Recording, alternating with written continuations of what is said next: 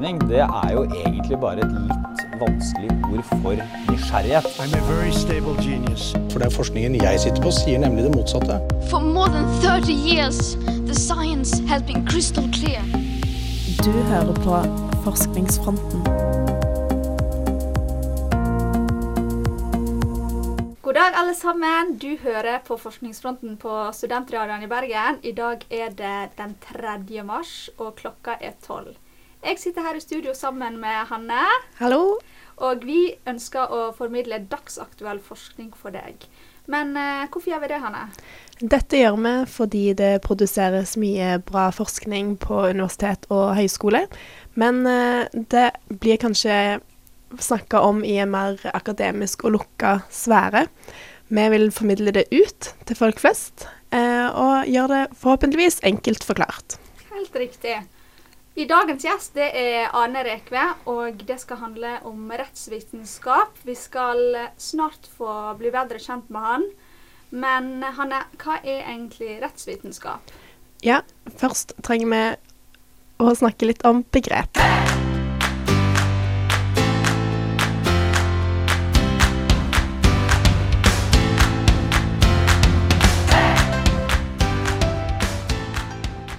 Rettsvitenskap er læren om rettsregler og juridisk metode. Rettsleger er en norm som regulerer forhold mellom borgere i et samfunn, mellom borgere og det offentlige, eller mellom styr styresmaktene. Rettsregelen er den regel man kommer frem til etter å ha gjort en juridisk tolkning ved hjelp av rettskildefaktorer. Rettskildefaktorer er en argumentkilde som brukes for å kunne løse rettslige problemstillinger, der rettskildeprinsippene angir hvordan rettskildefaktorene skal benyttes og vektlegges. Juridisk metode er læren om hvordan man tenker og, hvor, og hva man bygger på når man skal ta stilling til juridiske spørsmål. Rettskildefaktorer og rettskildeprinsipper er en del av den juridiske metodelæren. Etter fullført studium kaller man seg jurist. Jurister eh, besitter mange viktige stillinger i samfunnet, som dommer, advokat og offentlig tjenestemenn. Juridisk arbeid handler om å tolke Grunnloven, lover, forskrifter og eh, stortingsvedtak. Men hva forsker man på innen rettsvitenskap, og hvordan er studieløpet til en jusstudent? Hvem er Dworkin, og hva er hans rettsteori? Dette er spørsmål vi skal diskutere med dagens gjest, Arne Rekve.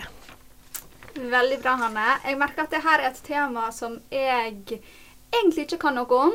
Så vi kan egentlig bare ønske velkommen til dagens gjest, Arne Rekve. Tusen takk. Hei og velkommen til oss her i Forskningsfronten. Har du vært med på radioprogram før? Uh, ja, en gang for veldig lenge siden. Ja? Ja. OK. Men Arne, er du jusstudent nå? Nei, nå er jeg ferdig utdanna. Så vi, er, vi er, kaller oss jurister, da, men det er ikke beskytta tittel. Så ja. Er ikke du beskytta tittel? Så jeg kan være jurist? Du, ja. Teknisk, men uh, ja. Nå skal jeg eh, opp og, inn og oppdatere Instagram-feeden min. Men uh, du har da gått en mastergrad i rettsteori, Rettsvitenskap. Rettsvitenskap, rettsvitenskap, men du gikk en spesiell linje. Du gikk forskerlinja. ja. Hva vil det si? Det vil si at eh, på lik linje som eh, eh, Det medisinske fakultet har forskerlinje, så har eh, Det juridiske fakultet også oppretta en forskerlinje.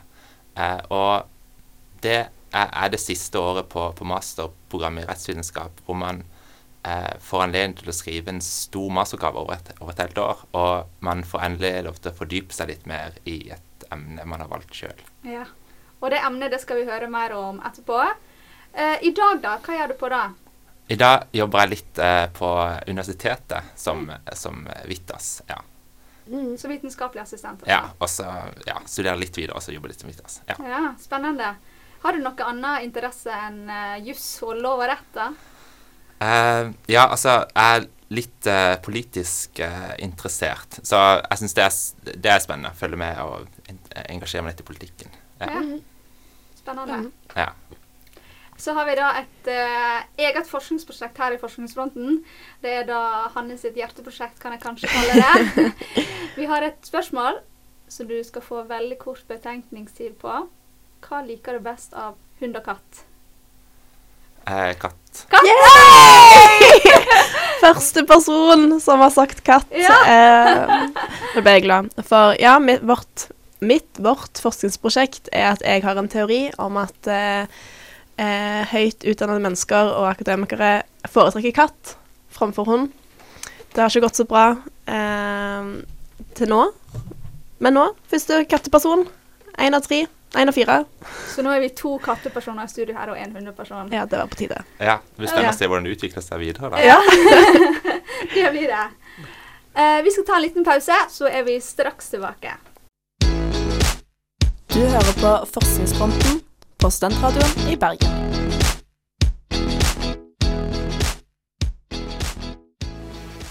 Du hører på Forskningsfronten på Studentradioen i Bergen. Med meg i studio så har jeg som vanlig min makker Hanne.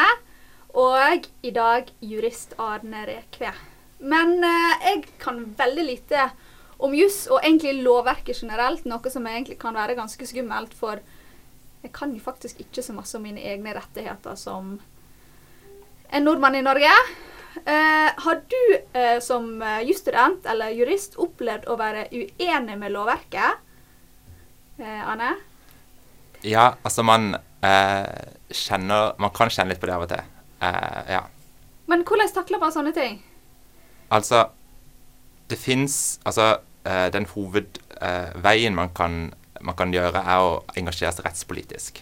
Altså man kan engasjere seg i politikken for å forsøke å forandre lovverket. Men så finnes det også eh, visse muligheter, hvis loven er veldig gammel, eh, å si at han er å si at loven er Altså at fins eh, At utviklinga i retten for øvrig er så eh, har utviklet seg såpass at loven må, altså, altså selve lovbestemmelsen må settes til side. Eh, det er noen tilfeller fra høyesterettspraksis hvor eh, en gammel lovbestemmelse har blitt satt, eller blitt, blitt tolka utvidende, blitt satt til side Ja. pga. at, at det, ikke, det harmonerer ikke med retten for øvrig. Eh, men det er veldig, veldig sjeldne tilfeller. Så hovedsaken er på en måte å engasjere seg eh, rettspolitisk. Ja. Men eh, før alt det her, før du ble jurist, så var jo du jusstudent.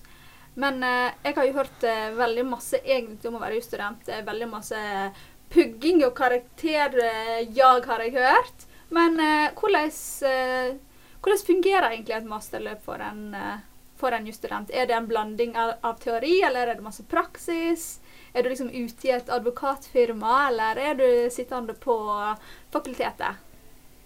Nei, altså eh, eh, Sånn såkalte traineeships og sånne, altså noe praktikantordninger, det er sånn man må søke til seg sjøl. Altså, det er ikke noe som fakultetet ennå Altså, det er noe man jobber med, men ennå ikke er tilfellet på fakultetet at eh, de sjøl eh, bidrar, eller eh, Altså eh, at man oppnår det via fakultetet. Så du får ikke fritak fra studiet for du har fått deg et trainee? Eh, nei, da, da må vi prøve å liksom, harmonere det med studiet, da. Ja. Eh, ja. Blir det akkurat som du skal søke en jobb? Um, Ja, det på blir på en måte. en, en, eh, ja, en, på en, måte en, en måte å få en eh, vei inn i arbeidslivet på. da. Mm. Eh, hvis du først har, har vært trainee et sted, så kan det være, kanskje være lettere å eh, prøve å få jobb der seinere. Mm. Men hvordan eh, fungerer jusstudiet? jusstudiet? Sitter man og pugger lover? Nei, altså um, Man får tilgang til lovsamlingen uh, på eksamen, så vi slipper hele den pugging, uh, puggingsdelen. Eh, så det som er um, oppgaven vår, da, det er Vi får som, som regel får vi et praktikum, som vi sier. Vi får et vis, at det har skjedd en At man får beskrevet en situasjon, og så skal man prøve å finne frem til relevante lovbestemmelser av høyesterettspraksis som, eh, som omhandler denne situasjonen. Eh, og tolke disse, denne lovbestemmelsen ved hjelp av rettskilder. Eh, og eh, komme frem til et svar på hvordan man skal løse denne konflikten som har oppstått. Ja. Eh, som vi får måte beskjed om, altså vi får det som et tenkt faktum. da. Men hvordan syns du egentlig det generelle nivået blant eh, nordmenn er når det gjelder kunnskap til eh, justa, altså sin egen lov og rett? Nei, altså um, Folk prøver så godt de kan, tenker jeg. Altså, jeg tenker sånn at uh, man uh, Så lenge man ikke er altså, sånn skråsikker på hva som er lov og rett, så tenker jeg at det er viktig at folk prøver å gjøre seg kjent med, med den, det regelverket som gjelder en sjøl, eh, hvis jeg er interessert i det. Eh, så fins det tilgang på Alle har tilgang på lovdata. Eh, så eh, jeg synes det, det, er, det er en av de tingene som har engasj- altså, at det av og til oppleves urettferdig, da, eh, hvor, hvor streng retten kan være mot folk som ikke vet bedre. Mm. Eh, så det syns jeg bare oppfordrer folk til å sette seg inn i eh, regelverket, sånn sett. Har du noen gang blitt skremt over eh, hvordan andre har på en måte tolka en lov? Nei, nei ja, kanskje eh, ikke skremt, men det, eh, nei, det syns jeg blir altså sånn eh, Eller forskrekka, da? Eller ja. svært uenig i hvordan en person som Ja, svært Altså, uenig kan man jo være, men det er jo eh, Det er jo sånn man, man må på en måte håndtere. Eh, så jeg syns må det Som sagt at folk gjør, gjør så godt de kan når de prøver. Mm. Eh, og ehm, og så må man på en måte tåle at, man, at andre kan være veldig uenige. Men er det veldig forskjell på rettspraksis i Norge og andre land i Europa og USA, kan jeg Ja, al altså uh, Man inndeler i såkalte uh, rettsfamilier. Uh, så eh, Storbritannia og USA anses som en sånn såkalt common law-land. Mens altså, land på kontinentet, som. Tyskland og Frankrike, er civil law-tradisjon. Og forskjellen mellom disse to altså de, de, de, de, de to store rettsfilmfamiliene, det er eh, hva som er eh, hovedkilden til rett. da. Eh, at i common law-tradisjonen så, det, så springer retten i stor grad ut av rettspraksis. Mens i civil law-tradisjonen så er det stor grad, i mye, eh, så stor grad retten kodifisert, som man sier, i, i lovbestemmelser, i lovverk. Um, Så vi er da civil law? vi er eh, man, man er i større grad civil, men vi, vi, altså, de har en sånn Noen bruker ord som eh, mixed legal tradition, fordi vi har litt eh, vi har, vi er, litt- Altså Norge Skandinavia er ganske pragmatiske, så det er litt uh, høyesterettspraksis, litt uh, lovbestemmelser som bestemmer hva som er rett. Okay. Uh, men uh, vi er i st- mye større grad eh, civil law enn common law, eh, så vidt jeg har skjønt. Mm. OK. Ja. Mm, men sånn eh, eh, Når jeg tenker på USA, så tenker jeg ofte på sånn jury. At de har en jury Ja. som At du skal liksom dømmes av dine likemenn. Ja.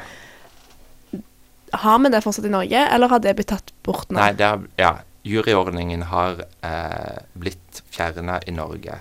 Men eh, det har samtidig vært viktig å bevare eh, dette lekmannsinnslaget eh, i, i strafferetten. Eh, så fortsatt så er det, er det overvekt av Skal det være overvekt av vanlige folk som, eh, som, som på en måte er med å eh, altså Som på en måte avgjør hva som på en måte om eh, straffbare, altså straffskyld. Mm. Ja. Hvis jeg eh, havner opp i en rettssak nå, blir jeg da dømt bare av advokater eller folk med en juridisk bakgrunn, eller sitter Ola Nordmann også i salen? Den, eh, altså Ola Nordmann, det, det skal være et innslag av Altså det skal være både eh, et visst antall fagdommere og et visst antall um, lekdommere som man anker opp til lagmannsretten, som man gjerne blir. Så uh, da, er, da settes lagmannsretten da med to fagdommere og fem meddommere. Um, så da um, er det fortsatt at man, selv om juryordningen er fjerna, så vil man fortsatt bevare uh, denne tanken om at uh, Det er en måte å prøve å bevare den tanken om at man fortsatt skal bedømmes av sine likemenn. Men er det en tanke man bør bevare? Jeg tenker jeg har ikke lyst til å bli dømt av mine såkalte likemenn. Jeg har lyst til å bli dømt etter loven, og at loven skal være lik for alle, og ikke Ja, eh, men tanken er at, eh, at, at vanlige mennesker er like gode som fagdommere til å eh, vurdere om eh, om man er skyld eller ikke. Altså sånn eh, altså at ekspertisen til fagdommere ligger i, i forståelsen av retten, ikke forståelsen av faktum. Altså det vil si at eh, man er uenig om hva som har skjedd. Det er typisk det at det, det er da eh, at man da antar at Eller da på måte bygger man på at eh, meddommer, altså lekdommer og fagdommer er like gode på, på, på måte prøve å finne fram til hva som har skjedd. Ja, Så hvis jeg hadde vært da i, eh, med i juryen og skulle på en måte bedømme noen, da, så måtte jeg, måtte jeg fortsatt eh, på en måte argumentere med loven. Jeg kunne ikke bare sagt nei, jeg syns ikke stjeling er feil. Man er jo avhengig altså det, det finnes, Man deler på en måte um, dette i to. da. Det ene er spørsmålet om faktum, og det andre spørsmålet om hva som er retten. Okay. Uh, så uh, lekdommere er jo på en måte um, knyttet seg ofte til dette med Eller knytter seg til dette forståelsen av hva som har skjedd. da. Altså hva som Um, og da vil jo ofte retten si seg sjøl, eller i hvert fall sånn at hvis, man, hvis du har tatt en annen ting, f.eks. hvis det er spørsmål der på en uenighet om man har tatt en annen ting, så eh, vil jo det ofte kunne regnes som tyveri da, eh, i etterkant. Men i, altså i, i, eh, på jussen så får man faktum. Altså det er ikke uenighet om hva som har skjedd. Eh, så vår oppgave er å prø- prøve å finne hva slags eh, rettsregler som, som dette knytter seg til. da. Eh, så um, jussen på en måte eh, gir kunnskap i retten, eh, og ikke noe kunnskap, ikke noe særlig kun, altså litt kunnskap, men ikke veldig lite kunnskap om hvordan man skal komme frem til hva som har skjedd. Faktum. OK, da skjønte jeg det. Ja. I hvert fall litt bedre. det er jo lett å tenke at man som jusstudent studerer for å bli jurist og advokat, men eh, driver man med masse, masse forskning i rettsvitenskap?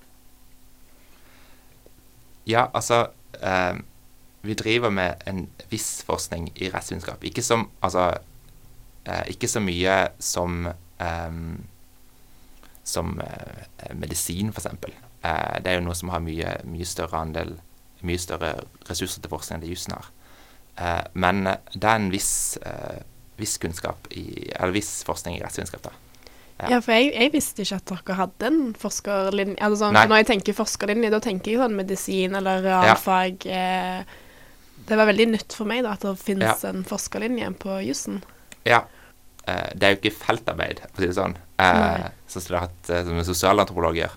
Ehm, så eh, hvis man arbeider, hvis man forsker såkalt rettsdogmatisk, som det heter, som er liksom den, den, eh, måte den eh, vanlige Altså det er på en måte det, det som er mest vanlig å gjøre, eh, så, ehm, så består forskningen gjerne i å innhente og analysere rettspraksis, eh, annen eh, myndighetspraksis eh, som knytter seg til den tematikken man jobber med, og eh, sammenligne saker, systematisere stoffet, eh, gå i diskusjon med andre som har uttalt seg om temaet. Eh, alt som da virkemiddel til å oppnå økt forståelse om et tema. Eh, så, så det er på en måte en, en måte å skape økt kunnskap om retten på. Eh, og eh, i og med at retten så, så, har såpass stor innflytelse på vårt liv, da, så, eh, så syns, syns man det er viktig. Ja. Mm. Ja, men du sa at du måte ikke feltarbeid, så du har, som forsker da, så drar du på en måte ikke rundt i rettssaker og på Stortinget, eller da bare samler du inn Ja. eh, tekster og lovverk og forskrifter. ja. Ja. Det finnes noen som har gjort eh, mer sånn empirisk eh, Altså man eh, observerer Ja. eh, hvordan, eh, hvordan, for eksempel, for eksempel hvordan samtalen mellom fagdommer og lekdommer foregår. Hvordan, hvordan bevisvurderingen foregår. Eh, men men det, de aller fleste tilfeller gjør ikke det, da. Nei. At det er, at det er mer sånn armchair theorizing, Ja. som det vel heter. ja. Mm. Og det, det er det på master òg. Altså masterstudentene som skriver masteroppgave, så er det å ta utgangspunkt i allerede eh, tekster og lovverk, og lage Ja. en problemstilling ut ifra det. Ja, det er ehm, Man velger uh, seg et uh, tema eller problemstilling som um, som gjerne er uh, som, som skal være underteoretisert da, fra før av. Eh, at det skal være uklart f.eks. Hvor, hvor grensen går. Um, eller det kan være uklart hva, på en måte, hva, eh, hvordan eh, vurderinga skal foregå.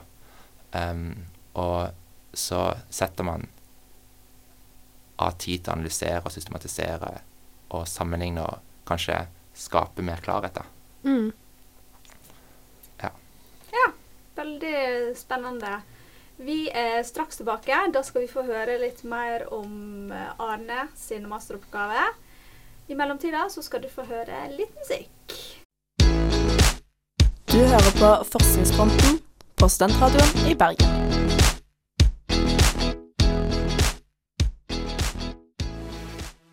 Velkommen tilbake i studio. Du hører på Forskningsfronten på Studentradioen i Bergen. Sammen så har jeg og Hanne med oss eh, jurist Arne Rekve i studio.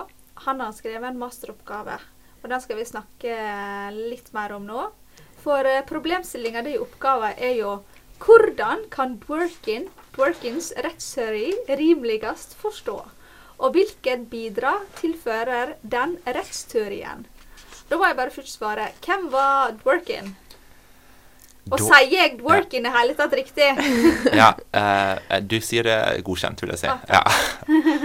um, så Ronald Dworkin, man må ta litt sats som man sier det, Uh, han var en um, anglo, altså en amerikansk rettsfilosof uh, som i mange år var professor of jurisprudence ved universitetet i Oxford, som er liksom den høyeste posisjonen man kan få som rettsfilosof. da. Og ja, så han em, han har delvis arbeida i USA og delvis arbeida i England. Ja. Altså, er han er, det en, er han en gammel sånn historisk person, eller er, eller er han liksom levende og rettsfilosof i dag? Han, er, det er det som er interessant med han, fordi han er, um, han er død nå. Men han var, det, var det ikke det? Det var, Jo, men det, det, det er så interessant. Han er død. Det var bare, det var morsomt formulert. Men ja. men har hatt stor betydning eh, Ja. i eh, norske Altså det rettsfilosofiske miljøet, eller rettsteoretiske miljøet i Bergen. ja. Eh, så ja, det er det som er, gjør han interessant, at han har hatt eh, i viktige deler av Men hvor lenge har han vært ja. Er det liksom sånn Er det 1900-tallet, eller Nei, er Han det døde i sånn 2013. OK, ja, Ja. sånn en nylig. Nylig død. Nylig Ja. Ja. Hvordan kan man forstå Dworkins uh, rettsteori? Nei, uh, jeg argumenterer for at uh, man kan forstå Dworkins rettsteori på de to måter. Eh, det ene er at, eh, at Dworkin er opptatt av eh, å gi et svar, i respons på det som er liksom det overordnede analytiske rettsfilosofiske spørsmål, som er hva er rett? Altså som er teoretisk. Og den andre måten er å forstå han som et bidrag til juridisk metodelære. Fordi han også er opptatt av at han samtidig er opptatt av hvordan skal rettsanvendelsen være? Hvordan skal juridisk argumentasjon ta form?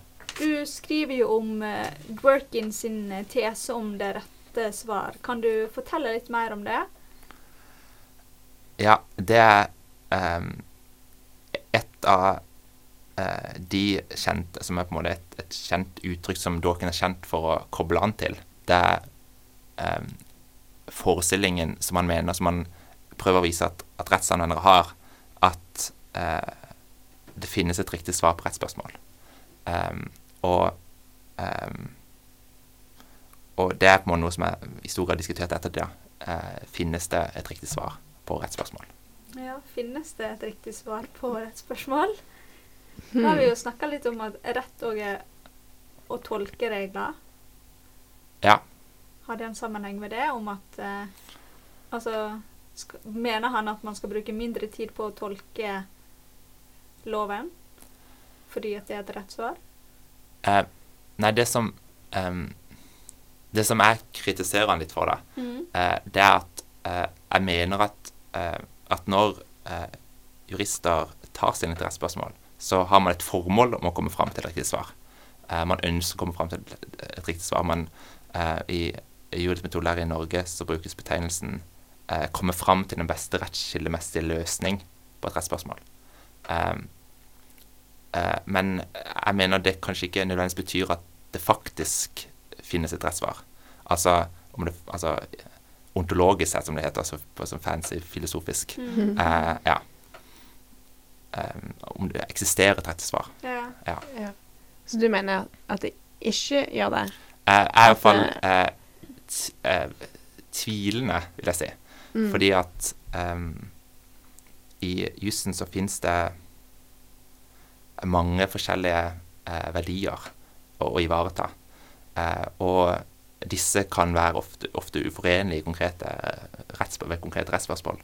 Eh, og, og da er det vanskelig å si at man kan eh, At et rettslig svar, et riktig rettslig svar kan demonstreres eh, i det konkrete tilfellet. Um, fordi at fordi at det finnes såpass mange ulike, ulike måter å ivareta verdiene på. Mm. ja. Det gir mening. Men du, du nevnte jo i stad at han har fått um, mye anerkjennelse i Norge. Vet du noe om hvorfor det? Er det Han um, Altså, han er en praktisk retta rettsfilosof. Noen rettsfilosofer kan oppleves eh, ganske teoretiske. At det kan på en måte lite, ha lite relevans for, eh, for, eh, for rettsanvendelsen. Mens Dorkin er opptatt, veldig opptatt av juridisk argumentasjon. Og hans eh, betoning av, eh, av koherens som et sånt rettsanvendelsesideal, det er noe som har eh, fenget rettsteoretikere i Norge også. Mm. Ja, så det er eh, så det er det, jeg tror litt det henger sammen med at han er såpass praktisk. Ja. Ja. Ulikt eh, mange andre i feltet. Ja. Du skriver jo at det er et grunnende valg ved mitt søk etter forståelse å skille mellom Dworkins rettsfilosofiske metodologi og rettsfilosofiske teori. Å forstå sistnevnte i lys av førstnevnte. Hva blir, eh, altså, hva blir skillet mellom det meteorologiske og teorien? Nei, altså eh, Nå er du inn Altså, jeg har liksom todelt masteroppgave min. Det ene er en sånn teoretisk del, og det ene er en mer sånn praktisk del. Så dette her er en del av sånn, den teoretiske delen av eh, dette du knytter til nå.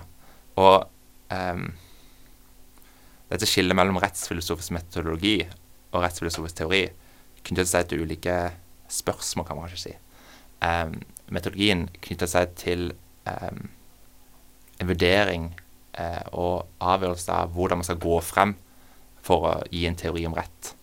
Uh, mens eh, teorien er, altså den rettsfilosofiske teorien er um, selve oppfattelsen av uh, innholdet i, altså, i, i retten, eller rettens natur.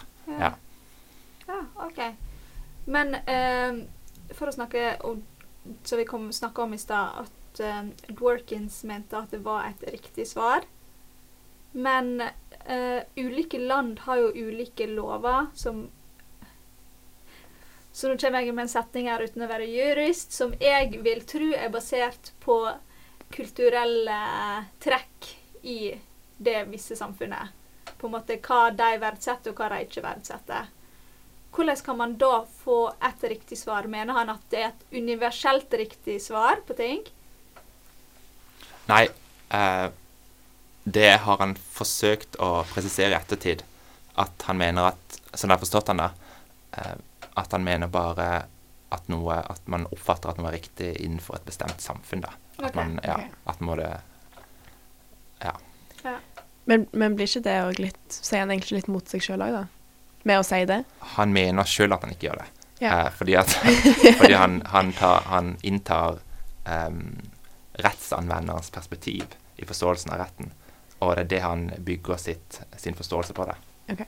Eh, ja. Så han eh, Ja. Så han, det var Det er liksom hans ja, måte å Mm. komme fram til denne tesen sin. Ja.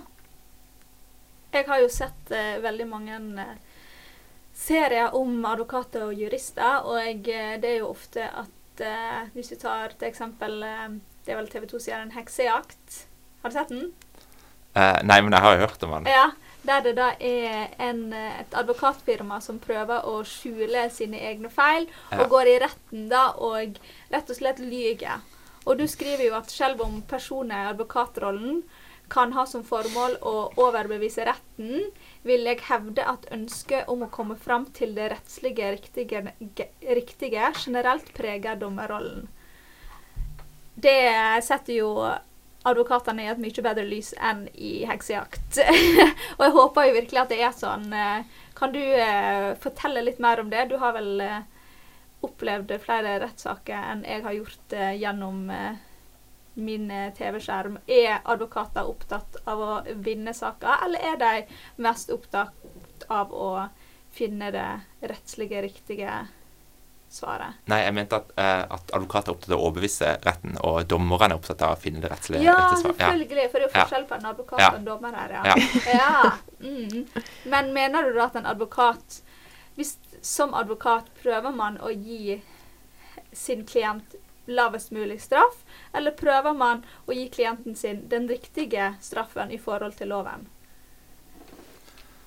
Altså, det er ulike roller eh, i en, eh, i en eh, straffesak som på en antar du sikter til. da. Ja. Eh, så ehm, forsvareren skal eh, ha som form ha, altså Hovedformen til en forsvarer eh, er å hindre at uskyldige blir straffet. Mm. Um, så um, Så da på en måte prøver han å finne Prøver han eller hun uh, å finne um, Gå gjennom uh, bevisene som er gitt, og, og finne svakheter i de, da. Mm. ehm, som kan tyde på at, at, man ikke, at man faktisk er uskyldig. Ja. Så det kan jo være en veldig vanskelig oppgave å være advokat da, hvis man absolutt mener at uh, klienten er skyldig. Så må altså, Da skal man prøve å finne svakheter ved Altså, vi skal prøve å finne svakheter med det som er presentert. Okay. Uh, det som på en måte er grunnlag for en tiltale Ja. uh, mot denne personen. Ja. Du hører på Forskningsfronten på Studentradioen i Bergen.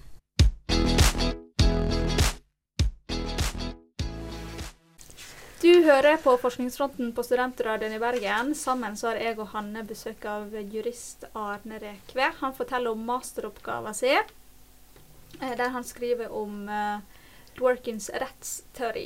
Men eh, hvorfor er Dworkins rettsteori teori interessant for en jusstudent? Jeg synes at, um, at Dworkins rettsteori kan være interessant for en jusstudent, fordi eh, hans rettsteori kan bidra til å øke vår forståelse av norsk juridisk metodelære. Um, og jeg mener han, bidrar til, han kan bidra til flere verdifulle poeng da, i, i norske metodediskusjoner. Uh, så det er på en måte Selv om den teoretiske delen av masteroppgaven min eh, kan, uh, kan oppleves ikke så relevant for norske jusstudenter, så, um, så mener jeg i hvert fall den, at den, at han har, han har en praktisk relevans for metoden. Han kan ha det, i hvert fall. Ja. Men eh, eh, har dere noe om Dworkings eh, rettsteori? Sånn, er han på pensum, eller Nei, han er det din egen ja, interesse er- som har gjort at du har skrevet om han? Uh, han uh, er uh, så vidt på pensum i, i retts... Altså X-Fill. Eh, Ja. ja. Så vi får, vi får litt om han der, da. Men i, i metodelæren så så er den ganske nasjonalt retta, da. Eh, Mm. Så um, dette er på en måte en Kanskje en Altså det å koble an til Dawkin er en måte å få en mer sånn um, internasjonalt perspektiv på norsk metodediskusjon. da. Ja. Men eh, ja, du er jo jurist nå, eh, og så Det har vi snakket om, ikke en beskytta tittel. Eh, og så er det jo på en måte et sånn eh, Ikke sånn hierarki, jo på en måte videre. Altså at du kan bli advokatfullmektig, og så blir du advokat, og så kan du bli dommer. Eh, hva har du lyst til å gjøre videre etter Hva er livet Ja, nei, det er jo um, Nå jobber jeg jo litt på fakultetet, uh, og jeg syns, uh, jeg syns den koblingen mellom undervisning og forskning er veldig spennende. Så det er Mm. iallfall har eh, foreløpig ønsker mest, da. Å Ja. fortsette på universitetet. Ja. mm. Veldig spennende. Eh, for som vitenskapelig assistent så er du den som retter ulike oppgaver og sånt. Eh, Vi har litt seminarundervisning, Ja. eh, så man får noen grupper på eh, 30 stykker, kanskje. ja. Ja. Så da får jo man absolutt Får man veldig mange spørsmål fra studenter, kan jeg tenke meg. Syns det virker veldig skummelt, jeg. Ja, det er, det er litt uh, skummelt å ha helt sånn mottatt rolle. Det Ja. er litt mer avslappende å være student, ja. Ja. da er vi kommet til eh, punktet der uh, vi skal ha spalta 'Lest i forum'. Go ahead. Jeg så på Kvinneguiden at Jeg leste på Hønehjørnet at. Ok, men faktisk, jeg har lest på Wikipedia at news. På Reddit så sier de faktisk det det. pluss uh, plussak på VG, altså.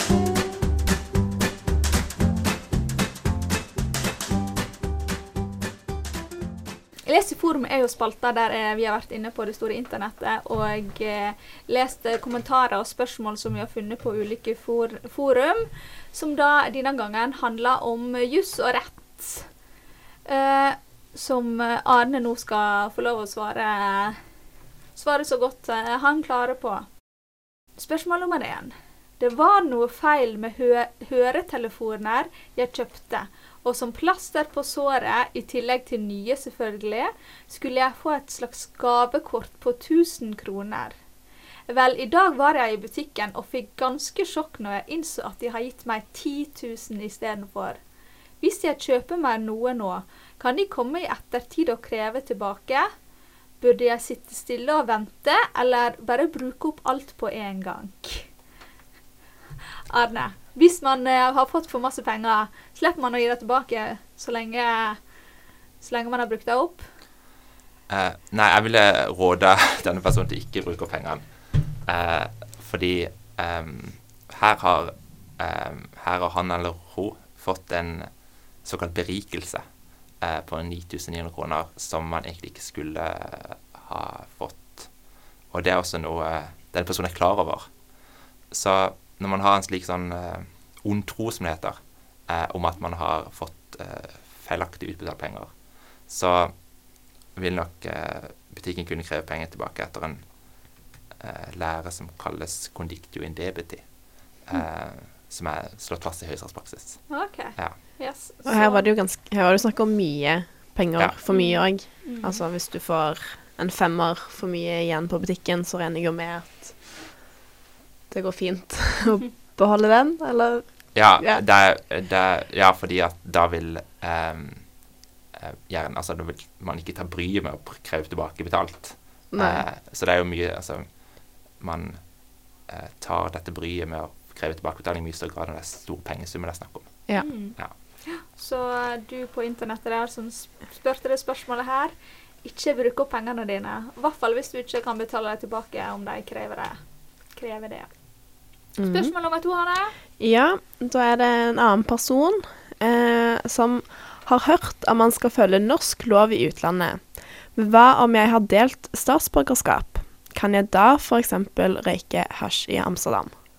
Og da ser jeg for meg at den personen her har eh, altså er, har statsborgerskap i både Norge og Nederland. da. Jeg regner jo med det, siden han har Ja. nevnt delt statsborgerskap. Yes. Ja. Og det her er det sånn at helt uavhengig om man har statsborgerskap eller ikke, så, um, så er ikke begrensa bruk av hasj straffbart der. Uh, så røyking av hasj um, vil derfor ikke kunne straffes i Norge, fordi det ikke er straffbart i landet man har gjort det. Okay. Um, og hvis dere er spesielt uh, interesserte, så kan dere ta en kikk i straffeloven paragraf 5. ehm, der, det, der det fremgår at norsk straffelovgivning kun får an- anvendelse på handlinger av norske statsborgere i utlandet når handlingene er straffbare også etter loven i landet der de er foretatt. Okay. Bortsett fra helt sånn spesielle tilfeller, Ja. som f.eks. når det er om krigsforbrytelser Mm. eller tvangsekteskap eller særlige seksuallovbrudd. Ja. Ja. Så det, det finnes noen unntak fra dette. her. Men, um, men akkurat uh, begrenset bruk av narkotika er, er ikke av de unntakene. Okay. Så man skal vel Så man skal eh, Med unntak av de unntakene du Ja. sa nå, så skal man egentlig følge lovene til det landet vi er i. Uh, ja, altså da, da vil ikke kun straffes i Norge, i Ja. hvert fall. Ja. Mm. Så god tur til Amsterdam. som har tenkt- tydeligvis har tenkt å reise. Så har vi spørsmål nummer tre. Er alle advokater drittsekker? Og det her er da kortversjonen jeg skal lese opp. Faren min brukte en advokat da han saksøkte en mann for hærverk. Da han ringte advokaten for å si 'god jul', samtalen tok under fem minutter, sto det på regningen tilsvarende 500 kroner. Så spør hun. Er alle advokater drittsekker? Da er det tydeligvis en som har fått, en som har fått en faktura på at han har ringt en advokat. Jeg skjønner, Hvis du ringer en advokat og skal ha en konsultasjon om lov og rett, men har, han har da kun sagt god jul og fått en regning på 500 kroner. Høres dette rimelig ut? Eh, nei, altså som eh, blant alle andre mennesker så finnes det eh, mange skikkelige advokater, eh, og eh, selvfølgelig eh, noe drittsekkoppførsel. og hvis man opplever dette, denne drittsekkoppførselen, som man kalte det, så er det mulig å klage inn advokaten.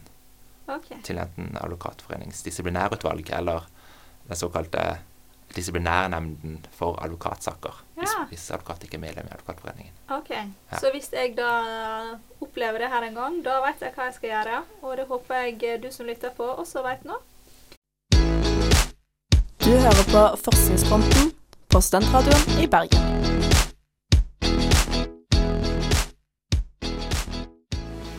Da er vi kommet til eh, Kommet der i sendinga der det er Arne som skal få lov å stille meg og Hanne spørsmål fra Test. hans eget fagfelt. Teste kunnskapen vår. Yes. Den pleier ikke å være så god. Nei. Men jeg har sett masse serier. Jeg starta tidlig med å se Judging Amy da jeg var liten. Så jeg har trua på meg sjøl her. Du har venta på denne dagen. It's my time to shine. ja, vær så god, Arne. Ja, jeg tenkte å begynne med litt eh, Hva er tittelen på eh, Høyesteretts leder? Lederen i Høyesterett. Tittelen på lederen i Høyesterett, Ja. han heter um, sordenskriver. Uh, nei, ja, nei. Jeg, jeg skal gjette, jeg. Ja. Han heter Jeg heter ikke noe sånn uh, Høyesterett uh, førstemenusianius. Ja. Høyesterett justitiarius. Halvt poeng. Og faktisk nåværende Høyesteretts justitiarius, det er første kvinne. Så det er faktisk hona. Toril Maria Øie. Okay. OK. Ja. ja. Så altså, hva har du sagt? At det Den første kvinne i rollen Nå? som Høyesteretts justitiarius. Nice. Ja. Ja, på tide. Så hvor fikk jeg sorenskriver fra? Nei, uh, du, altså, du er inne du er, Det er en justerminologi, for det er en ehm, Må få litt applaus. Ja. Men det er ting Altså, sorenskriver er i, i tingretten. Men det var Høyesterett Justinarius? Nei. Justitiarius. Justitira... OK. Ja, ja. Det er, Men det er sånn, det er sånn typisk quiz-spørsmål. Ja. Sånn Det er typisk. Jeg tenkte Ja. det var liksom litt passende quiz. Ja, absolutt. Nå dreper dere sjøltilliten min her. Men vi Nei, går til spørsmål nummer to. Ja. Hva er beviskrav i straffesaker? Eh, Oh.